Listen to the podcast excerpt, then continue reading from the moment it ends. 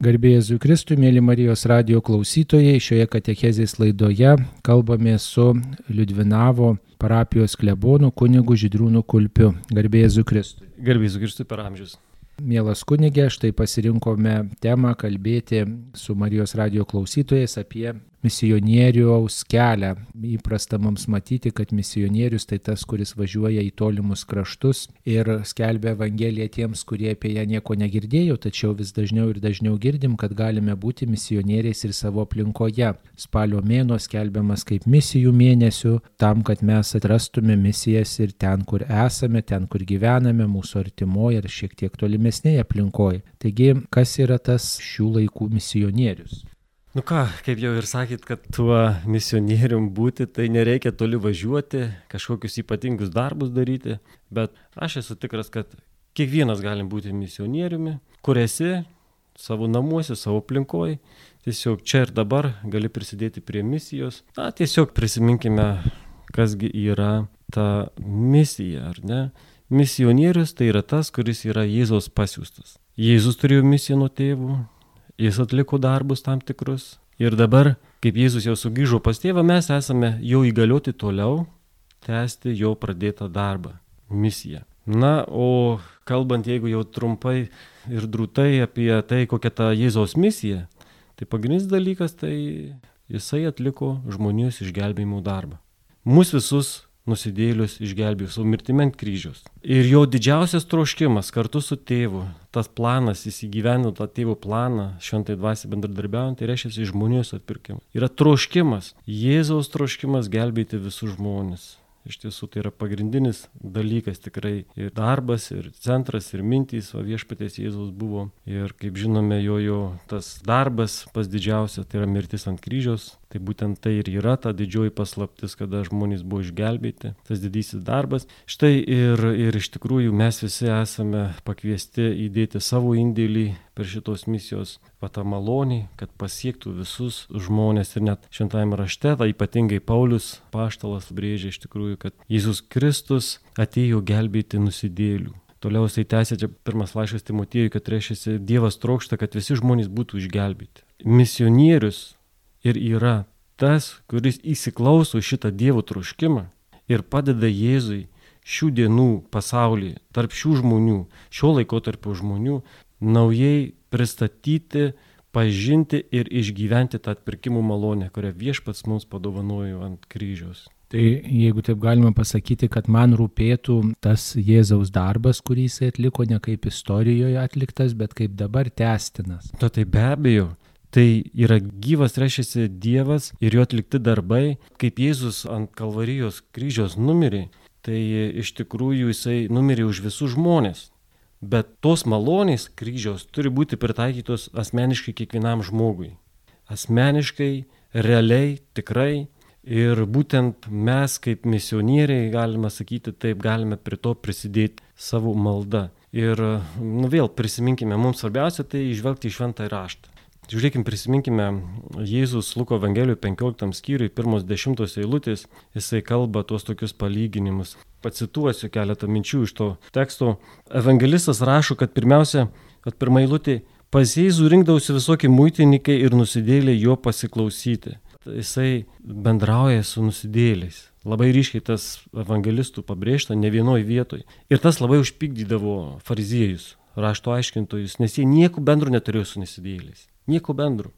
Ir um, Jėzus pateikė tiems rašto pasipiktinusiems fariziems rašto aiškintams tuos palyginimus. Tai vad, pirmas palyginimas apie paklydusią avį. Sako, kuris iš jūsų neieško vienos nuklydusios avies? Arba vėl kitas uh, palyginimas tam pačiam skyriui, kaip moteris pameta drachmą. Šviesa degas, kruopšiai šluoja. Čia kalba reiškia apie pastangas. Dievas nori žmonės išgelbėti. Jisai maišosi, Jėzus maišosi tarp nusidėlių dėl to, kad tuos nusidėlius išgelbėtų, ištrauktų. Nesveikiesiems reikia gydytojų, bet nusidėlėms. Jėzaus širdies troškimas yra didžiausias visų žmonių išgelbimas, nusidėlių ieškojimas. Vat ir mes, brangiai, iš tikrųjų turime prisidėti prie šito širdies troškimų išpildymų. Ir mes, kaip tam palyginime, kaip tos drachmos ieškojime, nuoširdžiai, atkakliai, su didelim pastangom dėti, ką tik tai galime, kad e, surastume tuos žmonės, kurie na, toli nuo Dievo, na, sakykime, nusidėliai. Jeigu dar konkrečiau pagal katalikiškus terminus, tai kurie yra, nu, sakykime, atsiskyrę nuo Dievo, gyvena sunkios nuodėmės būkliai. Sugražinti žmonės į malonės gyvenimą, į pašvenčiamus malonės stovį. Mes turime prisidėti taip pat, kaip tuose palyginimus ieškoti tos nuklydusios savies. Turbūt labai nusimenam, kai štai daug metų melžiamės už tuos žmonės, kurie nelanko bažnyčios, nesimeldžia, kurie gal priešiškai nusiteikia prieš krikščionybę, prieš Dievą, arba ten turi kokių priklausomybių ir iš mūsų artimos aplinkos ir štai reikalai nesitaiso. Ir rodos ir žmogus gal ir kalbėjosi su tuo, kuris toli nuo Dievo ar kokią turi įdą ir barėsi, ir gražiai prašė, ir visokius metodus išnaudojo, ir, ir vis reikalai nesitaiso. Tai kaip tokioj vat, mokinystėje, misionierystėje, tokioj na, nenusivilti savo darbo vaisiais ir kartu tęsti savo tą pasirinktą kryptį, nes kai nesulaukiam rezultatų, dažnai sakom, ai tai maldos gal nevertingos, mano misija prasta, aš esu prastas krikščionis, prastas misionierius, nes štai reikalai nesitaiso, kaip tokiais atvejais. Pirmiausias dalykas šitoje misijoje gelbėti nusidėlius, pirmiausia turime nenusiminti, nenusivilti. Iš tikrųjų, tai yra labai šventas darbas, kadangi atitinka Dievo valią ir brangiai reikėtų pabrėžti vieną dalyką labai aiškiai. Mes turime kasdienybėje įvairiausių maldų meldžiamės. Bet tos maldos ne visada būna išklausomos, nes, nes ne visi prašymai atitinka Dievo valią. Nu taip jau yra. Bet jeigu mes kalbam apie nusidėlių išganimą, apie atvertimą nusidėlių, gelbėjimą jų, tai žinokit, čia visai kitas dalykas. Nes tai atitinka Dievo valią. Šitas prašymas visada atitinka Dievo valią, nes Jėzus, kad išgelbėtų žmonės, net numirint kryžius, pats Dievas pasiaukojo iki mirties už mūsų išgelbimą. Tai visi mūsų prašymai už nusidėlio atsivertimą tikrai atitinka Dievo valią ir tikrai negalime bejoti, kad pasiekia Dievą ir bus efektinga malda.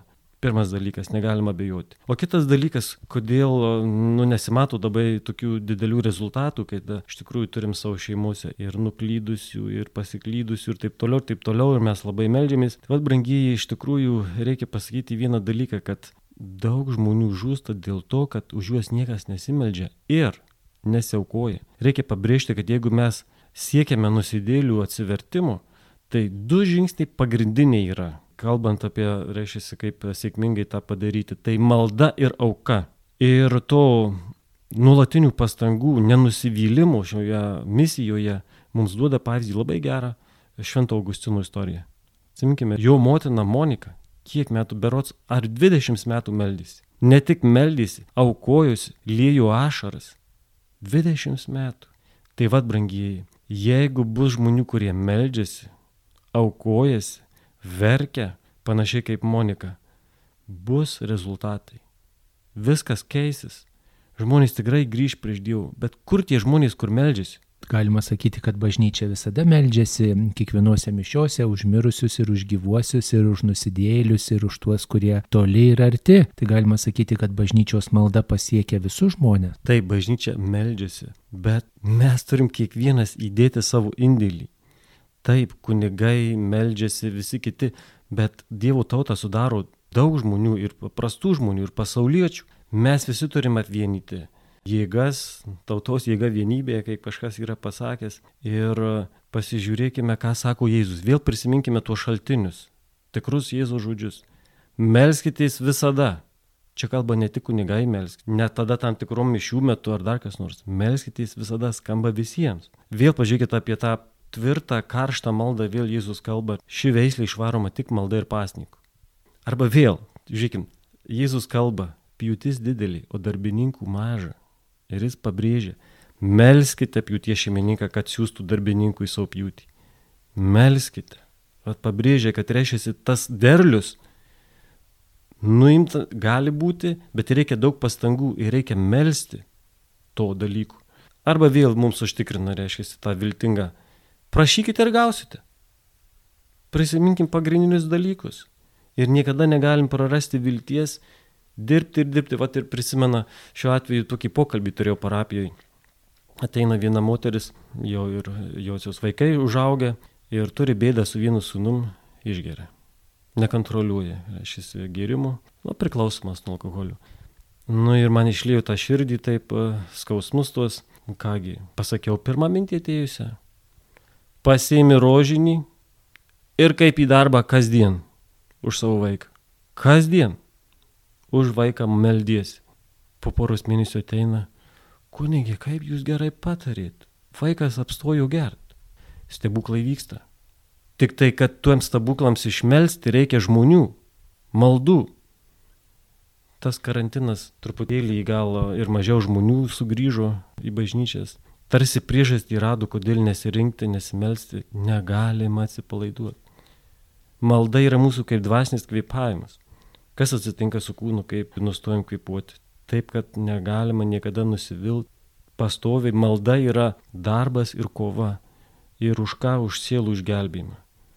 Jėzus to norėjo, viską padarė, mes irgi galim ir turime pridėti šitą indėlį į mūsų. Kodėl žmonės nustoja melstis? Štai, rodos, būna, kad užsidega širdis ir tiesiog liepsnoja tokia meilė, tokiu troškimu Dievui išsakyti, kas man rūpi ir mes turim turbūt ir maldų, kurias mėgstam. Tačiau ateina toks laikas, kai žmogus e, neturi tokio ūpo melstis arba kai prasmės nemato, kodėl tai būna. Ko gero yra daug priežasčių kodėl žmonės apstoja melstis. Iš tikrųjų, pagrindinis dalykas, o ne visas tas maldas ar ten darbus dėl žmonių gerovės išgelbėjimų, tai įkvepia meilį. Meilį. Tai yra meilės darbas. Maldos būtent ne kas kitas. Ir jeigu žmogus yra priartėję prie Dievo, turi tą ryšį su Dievu, tą vienybę, tai ta mūsų širdis supanašėja su Dievu, kuris dega žmonių išgelbėjimu. Ir kada mes arti Dievo, tai ir mūsų ir maldus, ir karštis eina, ir nepaliaujam toj maldoj, tai ir yra, kad, kad atnaujinta Dievo meilė savo širdyse. Va tą atsigrėžimą į Dievą. Kai mes arčiau Dievo, tai, nu, kaip sakykime, kaip laužas, ne, dega va ta, ta viešpaties, na, būtis. Kai mes prisartinam prie jojo, tai ir mes tą šilumą persimam, tą karštį, tą šviesą, žinai, ir ko Dievas gyvena, tuo ir mes vis labiau pradedam gyventi artimų meilę ir būtent sielų išgelbėjimas yra galima sakyti, net gal net pats didžiausias dalykas - sielą išgelbėti žmogaus, žinai, visi kiti dalykai tai yra praeinantis rytis pasaulio, šio pasaulio, o gelbėti sielą tai yra pats svarbiausias dalykas. Tai va ir, ir kuo žmogus labiau mylės Dievą tai ir tvirtesnė, karštesnė malda bus. Na, prisiminkime mūsų misijų globėjos šventos teresėlės asmenį. Jis užsidaro į karmelį, jo širdies troškimas yra labai nuo ankstyvų metų įstojo į karmelį Ir jinai savo toj knygoje vienos sielos istorijoje sako, atėjau į karmelį gelbėti sielų. Misijų globėja paskelbta. Niekur nebuvo išvažiavus. Vien tik tai būtent uždarytų tarp sienų karmelio gyveno toj bendruomeniai, bet verta yra būtent globėja misijų, nes tuo paskelbimu bažnyčia rodo, kad kiekvienas misionierius, kiekvienas žmogus gali būti misionierius, kuris meldžiasi, kuris aukojasi, kuris gerai atlieka savo darbus, ar bendruomenė, ir dar kur nors, ir tuos visus, ar ten sunkumus, ar išbandymus, kuriuos, kaip ir jinai turėjo daug sveikatos išbandymų, aukoja tą intenciją, tai yra nuostabi priemonė. Tai yra maloni Dievui auka. Tiesiai į Dievą taikanti ta kryptis malda ir, ir ta malonė pareina nuo Dievo nusidėlėms išgelbėti. Turbūt dažniausiai žmogus meldžiasi, kai jam asmeniškai ko nors reikia, kai jis pats nori sveikato sulaukti, nori gerbuvio, kažkokį prašymą turi susijusi su jo paties gyvenimu, su jo paties ar jo artimųjų. Tada žmogus nuoširdžiau karščiau meldžiasi, o štai kai reikia rūpintis vasielų išgelbėjimu, tai tarsi ne mano darbas, tarsi tai kunigo darbas arba paties Dievo darbas, popiežiaus darbas, štai tų Dievui pasišventusių žmonių darbas, o aš darau, ką galiu galiu savo aplinkoje, va štai taip kartai žmonės masto, kaip pažadinti tą troškimą žmonėse, kad man rūpėtų ir kiti, kad man rūpėtų ir kitų žmonių išgelbėjimas. Nu taip, reikia praplėsti širdis.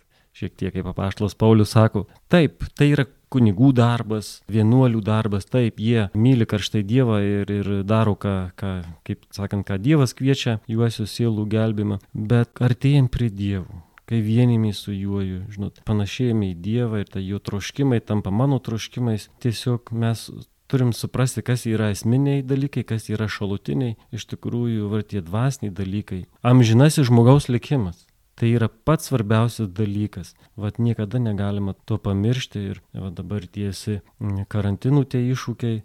Žinot, žmonės ar net į bažnyčią neina, ar te bijosi vienas kitų, bijosi gal užsikrėsti, bijosi mirties. Yra baisesnių dalykų negu mirtis. Sielos geroviai. Jeigu mes pamiršim Dievą, bijosime ateiti į bažnyčią, bijosime eiti sakramentų, tai kas iš to bus? Bijome mes užsikrėsti čia fizinį gyvybę, bet kada kalbam apie sielos nuostolį, kada mes atitolstam nuo Dievo, tai yra dar baisesnis dalykas. O turim nepamiršti ir praplėsti širdį biskį, suprasti, kur esminiai dalykai, dvasiniai dalykai, sielos geroviai, vienybė su Dievu. Pamastyti apie tai reikia tiesiog mąstyti, melsis, prašyti, kad Dievas šventoji dvasia mus praplėstų, paliestų širdį, kad mes saugiau tą Dievo perspektyvą atrastume savo gyvenime tas yra svarbu, kad ne tik tai apie save galvotume, apie kitus žmonės ir kad ir kitus įtrauktume į šitą Dievo plano perspektyvą, kaip sakote. O vis dėlto tiek rūpintis kitų žmogumi, atrodo gražus dalykas, bet jeigu, pavyzdžiui, tas kitas žmogus visiškai nenori to išgelbėjimo, jeigu kažkas, pavyzdžiui, prašo maldos, tai tada yra gera melstis už kitą ir taip rūpintis, kad ir kitam žmogui būtų geriau. Bet jeigu tas žmogus visiškai priešiškai nusiteikęs, ar tai nebus, kad aš noriu prievartą tą žmogų išgelbėti, padėti, jeigu jis pats to nenori. Pats nenori krikščioniško kelio, nenori Dievo, nenori taisytis ir Dievas duoda laisvą valią, bet jeigu tas žmogus atmeta, Dievą, tai ar aš nenoriu kažkaip paralyžiuoti jo laisvos valios, jeigu aš prašau Dievą jo to žmogaus pasikeitimo. Mes kaip katalikai galime aiškiai pasakyti, kad jeigu žmogus yra tokiam stoviai, tai jis pas nesupranta, kas jam geriausia. Tai va ir jo labiau reikia melsis, kad žmogus, jo protas būtų apšviestas kad jis pažintų, kam, kas jis yra, kad Dievo paveikslas, kad jis pašauktas amžinybei su Dievu, su vienybė. Jeigu žmogus turi kažkokių pašalinių minčių, netgi nenori nieko su Dievu turėti ar ten būti išgelbėtas, kaip sakot, tai tai pirmas žingsnis, kad tą malonį reikia melsis už žmogų, kad jis suprastų šitos dalykus, kad jam reikalingas Dievo prisilietimas, reikalingas Dievo gyvenimas, su Dievu gyventi. Tai tiesiog nereikia nuleisti rankų ir kaip tik melstis nieko ten neprievartauti, ne, nenorėti, kad jie, reiškia, atsiverstų per prievartą kažkokiu, ne, visada reikia išlaikyti pagarbą žmogui, bet belieka tyliai melstis. Ir šiuo atveju prisimenu vieną tokią istoriją. Buvom išvažiavę į tarptautinį Eucharistinį kongresą Airijoje ir tiesiog po ten renginių, vienų pietų metu susėdom prie stalo gal kokie aštuoni žmonės įvairių tautų ir ten moterų buvo iš Airijos ir, ir vyskupas iš Baltarusijos. Na ir mes pradėjom pokalbį ir kažkaip apie pirmos komunijos pasiruošimą šeimose. Ir viena moteris iš Airijos pasakė, kad sako, žinai, mano žentas užkėtėjęs bedievis ir jis neleidžia vaikų į pirmos komunijos pamokėlę. Sako, žmona norėtų mano dukra, bet vat, per žentą nieko. Tai tada atsimenu, vyskupas iš Baltarusijos pasakė, kokius žingsnius reikia padaryti, kad tas žentas atsiverstų. Jis sako, melskitės rožinį. Kalbėkit ištikimai, nu, pastoviai, tą rožinį, sako, turėtų viskas pasikeisti su Dievo motinos užtarimu. Bet sako, jeigu po kurio laiko ir rožinis nepadeda, tai dar yra vienas žingsnis. Tai užsidėkite pasniką malda rožiniu ir pasnikas. Tai sakė, pamatysit, kaip ištirpsas kitas prandiškas bedievizmas pas žentas ir taip toliau. Pasakė labai, labai esminį dalyką, kas tikrai laikytina kojos, kuriame judame į priekį, tai malda ir auka. Atrožinis malda, auka, savanoriškas pasnikas užsidėti. Ir e, čia vat norėtųsi irgi dar vieną dalyką pasakyti apie tą auką, nes e, matot, Jėzus galėjo išgelbėti žmonės vien tik tai savo pamokslavimu, ne, keliavo per miestus kaimus, jis skelbė Evangeliją ir taip toliau, bet ne. Jam neužteko tik tai žodžių, jisai aišku mokė, bet atėjus jo valandai numirė ant kryžiaus. Prieš tai meldys alyvų sodė, krauju prakaitavo, tai matome, kad malda ir auka yra neatsiejamai susiję Būtent tokiu būdu Jėzus nusprendė išgelbėti žmoniją. Va taip ir mes, jeigu norime gelbėti sielas, nėra kito metodo. Nėra. Neužtenka gražių darbų, gražių pamokslavimų, ilgų pamokslavimų ar kokiu tu ten nori, žinai, tokių pastoracinių technikų. Ne, neužtenka to. Malda ir auka yra va, svarbiausias dalykas, nes tokį Jėzus parodė metodą. Na ir E, šiuo atveju tai aš kaip parapijos klebonas irgi e, fiksuoju tokį dalyką, kad e, paprastas penktadienio pasninkas visiškai apleistas. Nežinau, kas yra žmonių galvose, net ir, ir tie katalikai, lankantys bažnyčią, jie nesusivokia, kad vis dėlto penktadienį, jau net ketvirtadienį prieš reikia pagalvoti, ką rytoj valgysi, kad nebūtų mėsos ant stalo. Atsimenu, tokiuose geduliniuose pietuose dalyvavau, dažnai papuola, kad geduliniai pietus, na, apsilankau pa žmonės ir visada būna su mėsa, nu, tai aš kaip klebonas, sakau, savo teritorijoje galiu tą nuimti reikalavimą, šios progus, va tokius va laidotų ten progą ir panašiai. Viena moteris ir sako, tai jūs klebonė man į priekį visus metus penktadienius nuimkite rašysi, nes mano vyrai visada mėsos prašo ir valgo. Jeigu mes kalbam rimtai, rimtai kalbam apie žmonių gelbėjimą, negali tik įsivaizduotini pasiaukojimai. Malda ir rimta auka. Kristus nesuvaidino mirties, Jis iškentė į mirtį. Tai va ir norim prisidėti prie šitos misijos, ne? Kaip sakome, Jėzus praliejo kraują, kad mus išgelbėtų. Tai ir mes bent keletą lašelių savo kraujo turime į tenai įdėti taip pat. Laiškė žydams skaitome, kad be kraujų praliejimo nėra nuodėmio atleidimo. Ir kas ta auka galėtų būti, ne mūsų, kas pastiprina mūsų maldą, sujungia aukas, kai kažkas gražiai palygino, ne, mes turime būti kaip altorius per altoriaus, o ne kaip mišiaus aukojamas, mes kaip kunigai aukojame mišes, reiškia, nuo altoriaus eina maldus į dangų, bet nuo altoriaus taip pat uždedama auka Dievui. O taip ir mes, kurie norime gelbėti sielas, mes ne tik turime melstis, bet prisiminti situacijas kasdienybės ir leistis vat, būti nukryžiuojami įvairiai nukryžiuojami taip, kaip pareikalaus Dievo valia.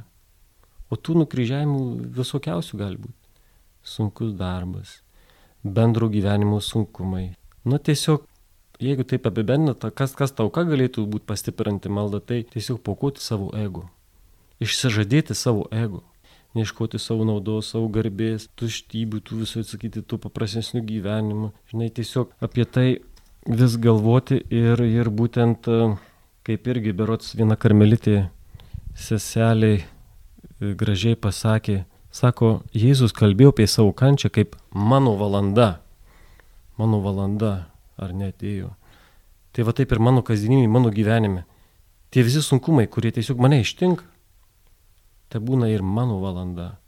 Mano valanda aukotis, priimti, vienyti su Kristumi ir šitą visą atiduoti už sielų išgelbimą mano valanda. Gali atrodyti, kad Dievas yra be galo žiaurus, štai melstis tai palaikyti tokį ryšį, kreiptis į, į, į, į viešpatį, kitą užtarti, tai mums toks suprantamas dalykas, nes e, malda tai yra bendrystė, malda tai yra meilės tokia išraiška, taip kaip mes užtariam vienas kitą, kaip kreipiamės į vienas kitą, sakom gerus žodžius, klausomės vienas kito, skiriame vienas kitam savo dėmesį, tai kažkas panašaus ir maldoje vyksta. O štai aukos tas principas, tai mes vis tiek stengiamės, kad mūsų mylintis ir tie, kuriuos mes mylime, kad jie nekentėtų, kad jie nepatirtų tos aukos aukos. Kaip tik tai stengiamės na, padėti, palaikyti ir kad sunkumų nepatirtų nei šalia esantis, nei tie, kurie gal toliau nuo mūsų, bet tie, kurie mums rūpi. Kaip čia yra, kad Dievas štai priima kažkokį atsisakymą, kažkokią auką. Kodėl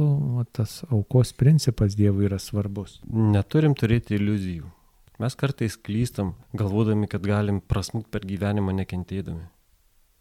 Mes nedangui, mes ant žemės puolęs pasaulis. Čia netobulas pasaulis, mes tik laukiam tobulo pasaulio atbaigimų. Kančia neišvengiama. O jeigu kalbant apie, kodėl Dievas leidžiant, tai iš tikrųjų ta mm, sudėtinga pasakyti iš tikrųjų apie tai labai sudėtingi dalykai. Ta meilė ir kančia yra labai susijusi. Kažkuo susijusi. Tam Dievo plane sunkiai susuvokiamai, nes mes matome į Jėzos, reiškia pavyzdį, mes matome, ne? Jisai sako, aš myliu jūs ir aukoju už jūs savo gyvybę. Atiduodu savo gyvybę, reiškia, tai meilės išaiška. Ir, ir atiduoda viską, ką turi, viską, ką turi.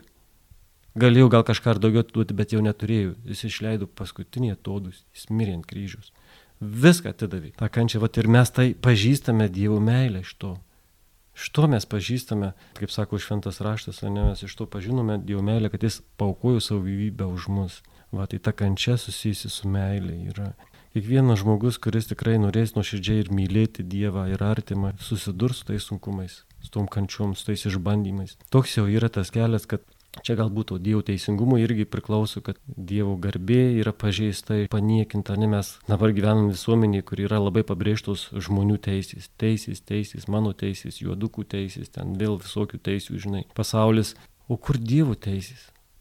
Dievo teisės yra pamintos, paniekintos ignoruojamas Dievas, ar ne, va tas teisingumas kažkaip turi būti atstatytas, tai ne ir kada mes laisvanoriškai prisimam tuos nepatogumus gyvenimus, sunkumus, išbandymus, kančias, tai va ir prie to na, teisingumo atstatymo Dievui irgi prisidedame, tai tie dalykai susiję, žinot, didelį paslaptis, labai nemaloni paslaptis, bet vis dėlto meiliai susijusi su kančia gali patvirtinti ir kiekviena gera mama. Štai myli vaikus ir dėl jų pasiaukoja, skiria savo sveikatą, savo laiką, savo jėgą, savo mintis, savo išteklius tam, kad tie vaikai, tie vaikai būtų laimingi, kad jie nieko nestokotų. Tai turbūt tas pasiaukojimas turėtų būti ne tik tai dėl tų žmonių, kurie yra man brangus, svarbus, artimi, mano šeimos nariai, pažįstami, bet ir tie, kuriuo aš visiškai nepažįstu, nes grįžtant prie tos minties, jog malda už sielų išganimą, išganimą, auka už sielų išganimą, tai e, išgelbėjimą, tai ne tik tai už tų, kurie man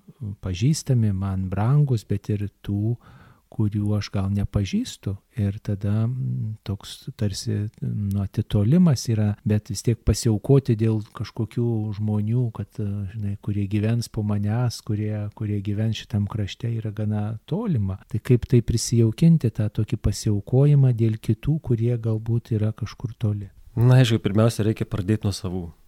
Kiekvienas turime savo aplinkoje, už ką turime melsis, ypač kunigai, savo parapiečius, Bet aišku, turime praplėsti savo širdis iš tikrųjų apimant ir kitus. Man tai atrodo, kad e, pirmiausia savo artimuosius taikiniu padaryti atsivertimu. O po to visos maldos ir tiesiog ir aukos, tiesiog e, bendrai taip pavesti Dievui, kaip tą maldą reiškia, už nusidėlių atsivertimą. Ar artimi tie nusidėliai, ar tolimi. Tiesiog aukoti, daryti visas tas pastangas dėti už visų nusidėlių. Bet aišku, mes artimuosius turim, kurie iš tikrųjų mums yra labiau prie širdies ir už juosius melčiame yra paštalas Paulius irgi savo laiškose rašo, ar ne, kad nu, tikėjimo šeimyna mums pirmiausia turi rūpėti. Kai mes persimam tos dievų troškimais, kaip vis labiau artėjame, tai kiekvienas žmogus mums yra brangus. Mes visi esame šeima, mes esame visa žmonija, nežiūrint kokia tauta rasė ir dar kas nors. Mes esame vieni viena Dievo šeima, mums visi yra broliai seserys, mes už visų gerovę rūpinamės ir ta, ta didžiąja geroja tai sielos išganimu. Tai turint tą perspektyvą, kad esame viena šeima Dievo. Tas pasiaukojimo aukos motyvas svetimas mums todėl, kad štai dabar yra tokia tarsi gerbuvio visuomenė, kad mes rūpinamės įsitvirtinti, rūpinamės, kad mums būtų patogu, kad nepatirtume jokio diskomforto, o štai aukos tas motyvas, pasiaukojimo motyvas ir dar dėl visų, dėl tolimų, mums galbūt todėl ir atrodo svetimas mums nepriimtinas. Taip, taip, šitos um, kultūrinės nuostatos, tos dogmos iš tikrųjų, žinai, daryti gyvenimą kuo patogesnį ir taip toliau padeda tokiam požiūriui, klaidingi, tokie tikrai požiūriai tie kultūriniai. O mes kaip katalikai tai turime ir, ir šventuosius, ir mūsų ta teologija, kuri mus primena, kad tai tikrai nepriklauso prie gyvenimo esmės, tų patogumų ieškojimas, tas pasiaukojimas visada ir, ir iš Dievo pavyzdžio visada yra labai svarbus. Jeigu ir Dievas duoda patogesnį gyvenimą, tiesiog neįsipatoginti, kaip sakyti, tai yra labai trapus dalykai. Ir jeigu padarysime tikslu pagrindiniu patogumų ieškojimu, tai mes toli nenueisim tikrai. Čia ne ir gyvenimo prasmės. Tuose, tuose patogumuose, paprastumuose, ką, ką sako kultūrinis tos dogmos šiandieniniais visuomenys, galima ir plačiau pažiūrėti į dvasinės vertybės. Tie, tie labiau mums yra reikalingi ir daug, daug, daug daugiau prasmės duoda gyvenimui kaip atrasti mums tą pasiaukojimo svarbą, tiems, kurie užmiršom tą apsimarinimo tokią praktiką, galų gale kaip atrasti pasninko praktiką, tikrojo pasninko praktiką. Jūs minėjote, kad atsisakyti mėsos, štai toks yra reikalavimas penktadienį, tačiau mėsos daugelis gal ir nevalgo, arba valgo jos mažai, galų gale mėsa nėra tokia brangi šiais laikais, kad jos atsisakyti būtų labai skausminga. Galbūt reikėtų dar atrasti kitokias pasninko formas, kaip pavyzdžiui, nesėsti prie kompiuterio, nesinaudoti televizorium ar dar kažkokiais patogumais, lipti laiptais, pavyzdžiui, užuot važiavus liftu, ar tai gali būti, pavyzdžiui, pasninko formos. Taip, tikrai gali būti, bet e, kalbant apie pasniką, nuo tos mėsos susilaikymo tai yra gera pradžia. Kalbant apie visus kitus dalykus, pirmiausia, ką sako bažnyčia, vienybėje su bažnyčia darykim. Pirmiausia, išlaikom, reiškia, susilaikymą nuo mėsos. O kas priedo, tai yra labai gerai, bet pirmiausia, kas reikalinga. Patikėkit, yra tikrai labai nelengva eiliniam katalikui susilaikyti nuo mėsos nes visą gamybos repertuarą reikia pakeisti. Reikia produktų įsigyti laiku, kad reiškia tu e, nu, galėtum pasniką išlaikyti ir taip toliau, tai taip nemažas iššūkis. Dieve duok, kad jis labiau būtų taikomas ir priimtinas šitas dalykas, bet ir kiti, kitos priemonės iš tikrųjų, vat, kai jūs paminėtos, vat, tiesiog pasirinkti kokį ten vat, laiptais lipti, kada gali, gali ten liftų vengti, taip toliau, taip toliau, bet, bet iš esmės tai šiaip ar tai gyvenimas pilnas tokių apsimarinimų daug net per daug nereikia galvoti, bet tiesiog ta auka gali būti labai primtina Dievui, jeigu mes pamatom, kokia Dievo valia atneša tuos išbandymus, sunkumus mums. Net ir bendras gyvenimas šeimoje ar dar kažkas, nu, tai skirtingi žmonės, darbe kokie sunkumai. Na, aš prisimenu vieną jauną moteris, mes dėl santokos derinom laiką susitikimo ir sakau, va, ar galėtumėte tokią ar tokią valandą.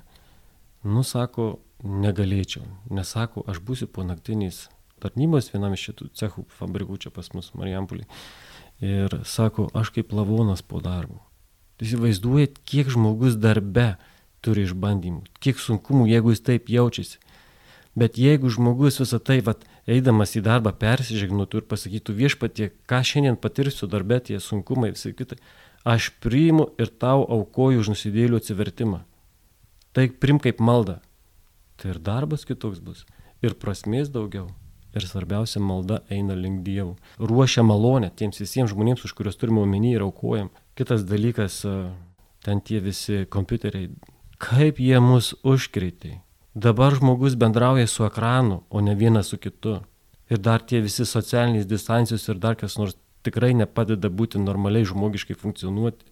Turim tokią naują programą, pirmos komunijos bandom su tėvais šiais metais parapijoje ir nu, norim, reiškia, informaciją reikia skleisti ir kažkas pasiūlė Facebook'e grupę susidaryti, kad būtų galima ten diskutuoti, medžiagą aptarti. Atsisakiau. Gana tų Facebook, gana tų kompiuterių, gana tų ekranų. Realiai bendraukim.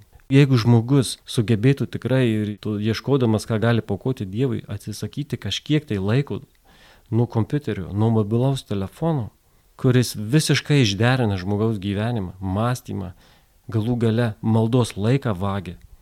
Kaip įeini į tas, į tas priemonės e, kompiuterinės, kur dabar tiek jų yra sukurta ir man atrodo specialiai sukurta, kad tiesiog žmogų išblaškyti, kad jis apie kažką rimto nepagalvotų. Tai būtų labai primtinas dalykas. Manau, kad irgi prie aukos galime priskirti, jeigu mažiau laiko paskirtume toms uh, kompiuterinėms programoms, kurios tiek daug laiko suvartoja mūsų brangaus, kur galėtume dėl išganimų panaudoti.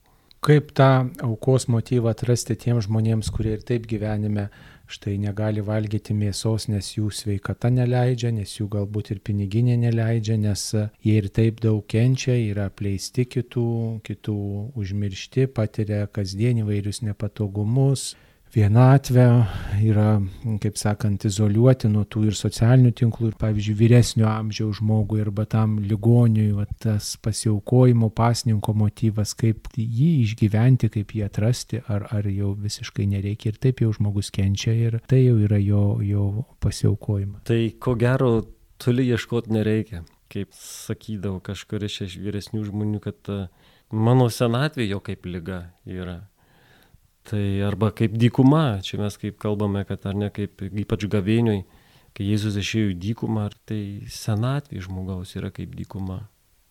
Nereikia nieko raiti. tu esi dykumoje.